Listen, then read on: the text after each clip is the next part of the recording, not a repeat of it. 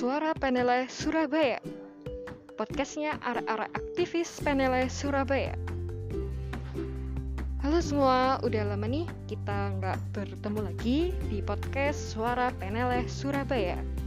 Nah, di podcast kali ini setelah vakum sekian lama Kita akan ngobrol-ngobrol lagi nih tentang Hari Kartini yang terjadi baru-baru ini. Bukan terjadi sih, tapi yang diperingati baru-baru ini setiap tahunnya.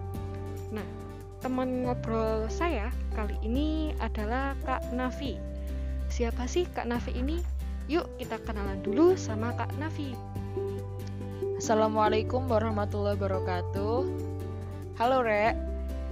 Perkenalkan saya Nafi Fatima dari regional Surabaya. Kebetulan saya sedang berkuliah di salah satu universitas swasta di Sidoarjo dan saya diaman diberi amanah untuk sebagai benda, bendahara regional Surabaya. Wah, di mana tuh Kak kuliahnya kalau boleh tahu? Alhamdulillah kuliah saya sejak dari semester 1 saya sudah dihadapkan dengan kuliah offline jadi saya belum merasakan sama sekali gimana kuliah online itu seperti apa saya kuliah di Universitas Ma'arif Hashim Latif Sidoarjo saya mengambil jurusan teknik industri Wah, keren banget nih ada perempuan yang masuk di jurusan teknik industri. Nah, padahal nih biasanya di teknik, fakultas teknik utamanya di katanya dicap sebagai fakultas yang isi di diisi cowok-cowok nggak sih, Kak? Ya hampir sebagian 90% memang kebanyakan dari cowok-cowok hampir sebagian hampir hampir sebagian memang banyak dari cowoknya. Jadi kita bisa dikatakan kaum minoritas di situ. Wah, tapi meskipun minoritas, hal ini sangat sejalan dengan dorongan yang kita kehendaki semua, sebagaimana juga semangatnya oleh ibu kita Kartini, nggak usah dipanggil ibu ya, oleh Kartini, agar perempuan-perempuan itu terdidik gitu, terdidik dan bisa memasuki segala lini gitu, baik itu nggak hanya berkutat di lini dalam rumah, tapi juga di luar rumah, maksudnya di luar rumah ini kalau pakai pembagian ya pembagian antara domestik dan juga publik gitu. Nah, oh ya karena minggu-minggu ini kita memperingati Hari Kartini, kalau boleh tahu nih, setahu kita Kartini itu siapa sih? Apakah Kartini identik gitu dengan apa yang kita selenggarakan bertahun-tahun sebelumnya sebelum pandemi COVID-19 melanda di seluruh dunia dengan memakai kebaya apakah cuma sekedar itu saja kita mengenal sosok Kartini. Nah, oleh karena itu silakan deh buat Kak Nafi untuk menceritakan sekilas siapa sih Kartini ini? Hmm, Kartini ini salah satu tokoh wanita yang pada saat itu dia mengemukakan bahwa oh untuk sekolah wanita Kartini ini juga salah satu tokoh wanita yang menyurak, menyuarakan tentang pendidikan. Beliau ini aktif dalam menulis salah satu banyak um, beliau ini menulisnya dalam bentuk surat. Jadi beliau itu gimana caranya biar suaranya beliau itu bisa didengarkan itu melalui surat-surat yang dikirimkan ke teman-temannya atau mungkin kritik-kritikan beliau kepada seseorang itu melalui surat Nah, surat-surat itu ditujukan kepada siapa sih, Kak? Salah satunya ke temannya dia yang di Belanda, salah satunya yaitu Rosa Abendan Abendanon. Nah, Kartini itu mengkritik dia itu menuliskan surat kepada Rosa Abendanon pada tanggal 21 Januari 1901 beliau itu mengkrit menulis surat untuk Rosa. Nah, isinya itu bagaimana beliau itu mengkritik pendidikan. isinya tuh seperti ini. Pendidikan ialah mendidik budi dan jiwa. Kewajiban seorang pendidik belumlah selesai jika hanya baru mencerdaskan pikiran saja. Bahwa tahu adat dan bahasa serta cerdas, pikiran belumlah lagi jaminan orang hidup susila dan mempunyai budi pekerti. Wah, berarti kalau zaman ini kira-kira itu disebut sama apa ya? pendidikan karakter atau karakter building gitu nggak sih kak yang dimaksud Kartini? Ya yang digadang-gadang oleh Kartini itu salah satunya pendidikan karakter. Gimana pentingnya pendidikan karakter itu dalam usia dini? Gimana pendidikan karakter itu yang mulai ditanamkan oleh seorang ibu kepada anak-anaknya? Wah menarik menarik nih berarti uh, ide emansipasi dari Kartini ini dalam hal pendidikan ini ya bagaimana gitu ya supaya kaum ibu itu bisa mendidik anaknya agar dia bisa mendidik anaknya apakah kaum apakah disinggung sama Kartini bahwa kaum ibu ini harus terdidik dulu gitu kak iya beliau pun juga sempat mengatakan bahwa memang ibunya itu juga harus terdidik. Beliau juga mengirimkan salah satu surat kepada Profesor Dr. G. K. Anton pada tanggal 4 Oktober 1902 itu bunyinya seperti ini bukan tanpa alasan orang mengatakan kebaikan dan kejahatan dimulai anak bersama air susu ibu alam sendirilah yang menunjuk dia untuk melakukan kewajiban itu sebagai ibu, dialah pendidik pertama anaknya. Di pangkuannya, anak pertama belajar merasa, berpikir, berbicara. Dan dalam kebanyakan hal, pendidikan pertama-tama bukan tanpa arti untuk seluruh hidupnya. Tangan ibulah yang meletakkan benih kebaikan dan kejahatan dalam hati manusia, yang tidak jarang dibawa sepanjang hidupnya, dan bagaimana seorang ibu ibu Jawa dapat mendidik anak-anaknya kalau mereka sendiri tidak terdidik peradaban, peradaban dan kecerdasan bangsa Jawa tidak akan maju dengan pesatnya kalau perempuan dalam hal itu terbelakang. Wah, jadi lengkapnya seperti itu. Nah, kira-kira peristiwa apa sih? Atau kebudayaan? Atau zaman seperti apa? Kok Kartini tuh saat itu mikirnya tuh melampaui zamannya gitu loh. Kok dia mikir bahwa kaum ibu itu harus berpendidikan harus terdidik. Karena ibu kalau di agama Islam sering ada ungkapan bahwa al ummahat al madrasatul ula gitu kan. Bahwa ibu-ibu itu madrasah pertama bagi anak-anaknya kira-kira gambaran yang dihadapi Kartini itu seperti apa sih kak? Nah realitas pada saat itu yang dihadapi oleh Kartini itu Kartini menghadapi tiga budaya, yaitu patriarki, feodalisme, dan kolonialisme. Kolonialisme sendiri itu menggambarkan tentang penggolongan status manusia yang terbagi atas tiga kelas, Eropa, Timur Asing Indo, dan priai dari pribumi, di mana pembagian kedudukan tersebut yang diutamakan termasuk dari segi pendidikannya adalah keturunan Eropa totok atau asli tidak ada campuran darah bangsa lain dari luar Eropa. Keturunan timur asing yang terdiri dari etnis India, Arab, Cina, dan Indo atau bisa dikatakan berdarah Eropa dan pribumi. Juga diperbolehkan mengenyam pendidikan walaupun tidak seistimewa oleh kayak kaum-kaum Eropa gitu Terus yang terakhir itu keturunan priai. Nah, priai ini termasuk bangsawan yang di mata orang Jawa itu cukup bergengsi kan. Nah, Kartini itu juga termasuk salah satu bangsawan. Tetapi pada saat itu Kartini pun juga ketika dia berumur 12 tahun, dia sudah tidak boleh sekolah oleh orang tuanya karena pada saat itu Kartini sudah harus dipingit dan menjalankan adat tradi adat tradisi pada saat itu juga. Jadi kenapa dia itu mengatakan bahwa seorang ibu itu harus bisa seorang ibu itu juga harus terdidik gitu karena pada saat itu juga Kartini menghadapi ketika dia dinikah ketika dia mengalami ketika dia dinikahkan itu dia gak bisa ngapa-ngapain. Dia tuh gak bisa punya pilihan apa-apa. Semua wanita pada saat itu tuh lemah sekali. Dia tuh hanya manut manut aja gitu. Gak punya pilihan gak bisa menyuarakan apa yang dia inginkan gitu. Oh iya sih.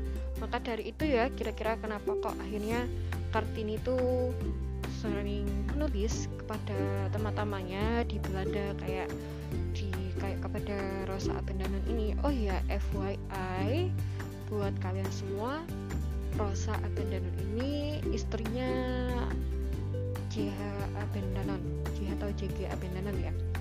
Nah Abendanon ini saat itu adalah ibaratnya kalau sekarang ini Menteri Kebudayaan dan Agama gitu di masa Hindia Belanda saat itu sih. Jadi gagasan-gagasan Kartini sampai saat itu benar-benar dianggap wow banget. Sangat-sangat melampaui zamannya. Dan dan dari surat-suratnya itu oleh Abendanon itu dibukukan gitu. Yang kalau kita sering kan ya dengerin istilah habis gelap terbitlah terang. Nah itu sebenarnya judul buku dari surat-surat yang ditulis oleh Kartini yang dibukukan oleh Abendanon dan juga dialih bahasakan gitu. Menjadi bahasa Indonesia saat itu. Selain itu karena kita tadi udah dengerin sedikit dari Kak Nafi gimana sih keadaan zaman saat itu? Kok Kartini tuh bisa gitu nulis surat-surat kayak gitu? Nah kalau zaman sekarang nih Kak Nafi kira-kira yang dihadapi perempuan-perempuan Indonesia kayak sekarang itu kayak gimana sih Kak Nafi? Kalau zaman sekarang itu perempuan-perempuan itu kayak dihadapkan gimana sih antara menjadi ibu rumah tangga dan wanita karir. Nah, perempuan itu selalu dihadapkan dengan dua pilihan itu, yang seharusnya mereka itu bisa menjalankan dua-duanya tanpa tanpa mengurangi kodratnya dia sebagai seorang ibu tanpa mengurangi kodratnya dia sebagai seorang wanita gitu kan? Nah orang-orang sekarang itu terlalu memojokkan perempuan gitu. Ketika dia memilih berumah tangga oh itu termasuk baik gitu. Iya baik. Semua itu baik gitu kan?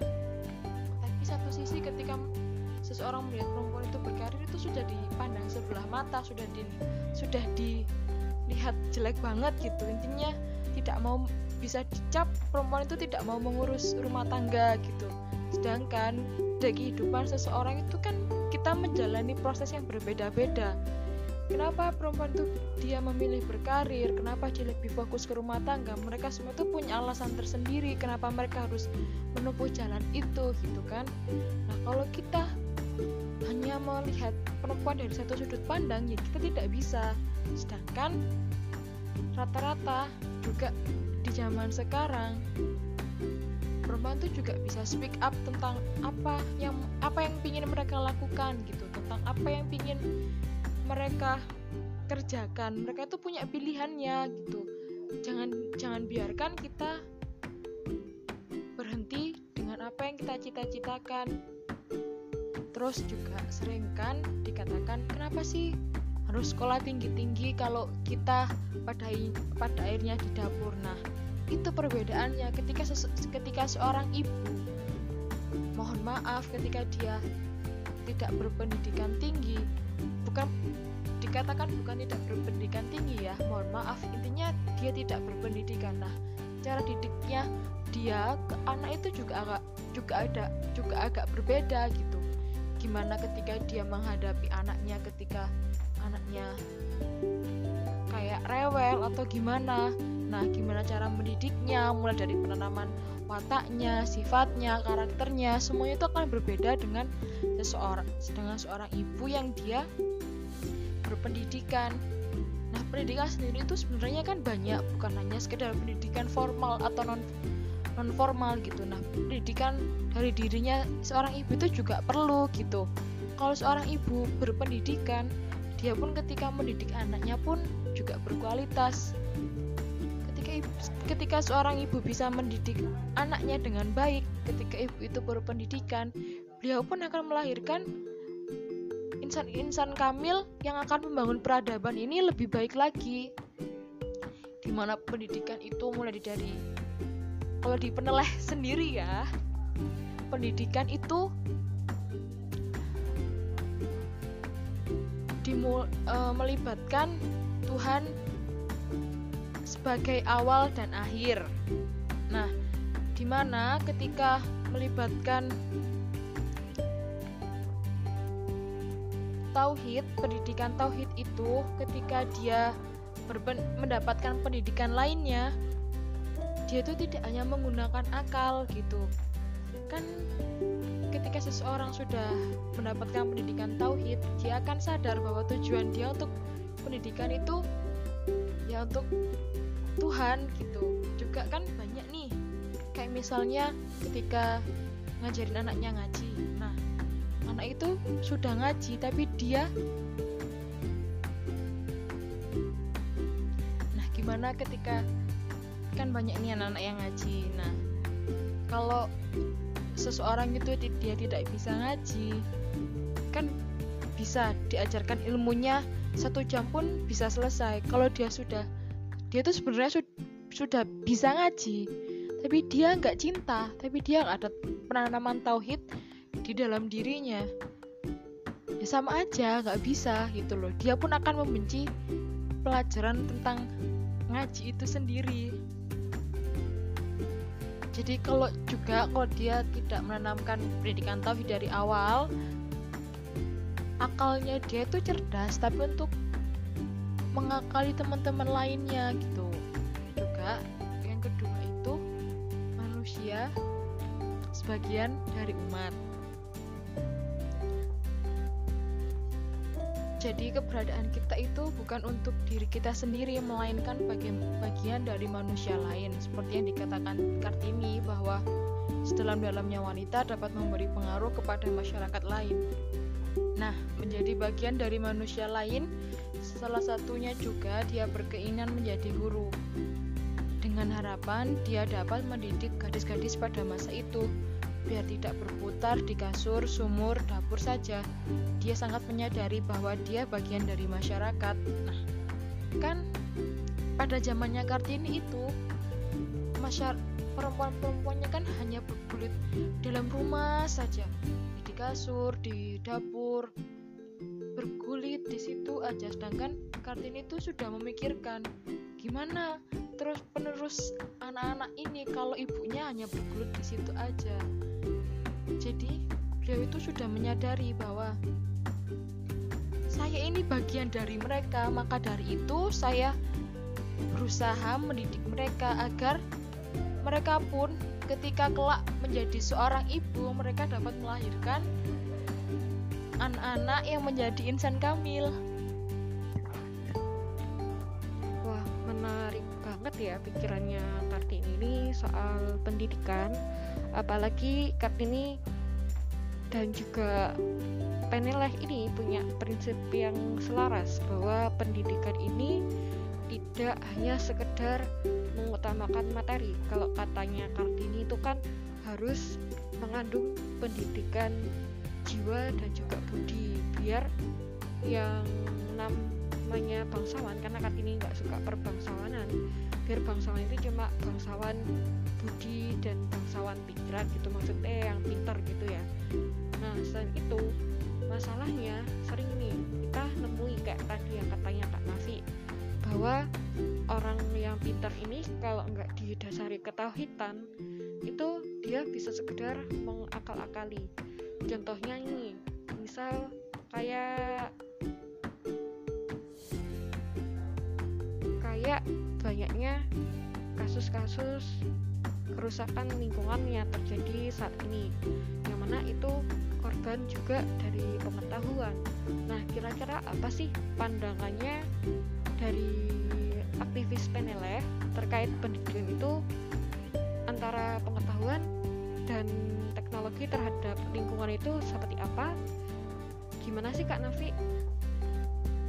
Nah, tak lupa perkembangan sains dan teknologi itu sering kali berhadapan dengan kelalaian pemeliharaan lingkungan gitu kan. Sayangnya terpuruknya lingkungan ini adalah indikasi semakin jauhnya ilmu pengetahuan dari akhlak dan adab. Maka dari itu, penilai itu berpandangan bahwa mengembalikan ilmu pendidikan yang didapat itu untuk menjaga semesta yang termasuk di dalamnya umat dan lingkungan. Kan sering kali nih kita udah saking pinternya udah saking canggihnya teknologi kita itu lupa bahwa fungsi teknologi itu sendiri adalah untuk semesta untuk menjaga semesta. Gimana semesta ini bisa berkembang dengan baik gitu kan? Nah di dalamnya semesta ini tuh ada umat dan lingkungan. Jadi kita itu walaupun kita ahli nih kayak saya sendiri kan saya uh, seorang teknik industri. Nah, gimana saya mengembalikan teknik industri itu untuk kebermanfaatan lingkungan dan umat itu ter, itu tersendiri.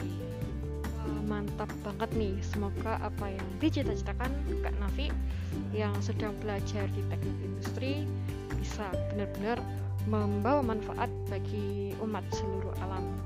Gak cuma manusia tapi juga ke pemeliharaan lingkungan itu sendiri. Oke, sekian podcast pada kali ini. Nah, biar kita bisa mengingat-ingat apa sih yang disampaikan Kak Nafi keseluruhan dari episode kali ini, kita dengarkan closing statement dari Kak Nafi.